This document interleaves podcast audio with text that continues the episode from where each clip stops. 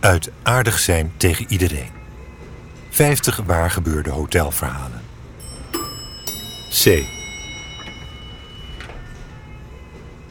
Nu ben je een echte conciërge. Pascal loopt voorbij en ziet mij zitten achter het bureau in de lobby met het glazen blad naast de desks. Het is nog vroeg. Hier zitten de tour operators van de reisorganisaties altijd en worden dagprogramma's samengesteld. Aan de andere kant van de tafel staan twee stoelen. Links de waterkan, rechts een boeket exotische bloemen en een houten olifantje. Platte gronden in de la. Be a local. Een echte conciërge. Daar zit ik en probeer een conciërgegezicht te trekken, al weet ik nog steeds niet precies hoe dat eruit ziet.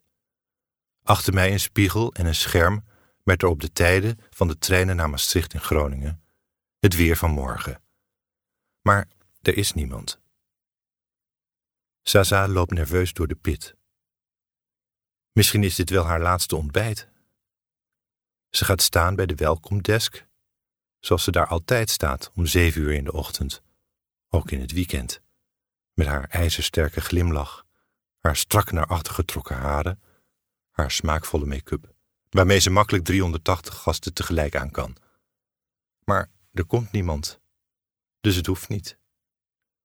Ze loopt langs de lege tafels, alsof ze even niet weet wat ze moet doen, pakt uiteindelijk een veger en veegt de pit.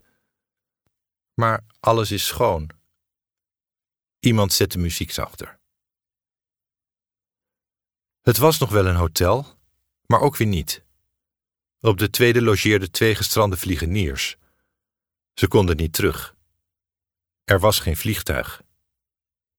De volgende dag gingen het restaurant, de wellness en de Malabar dicht vanwege C. En niemand wist voor hoe lang.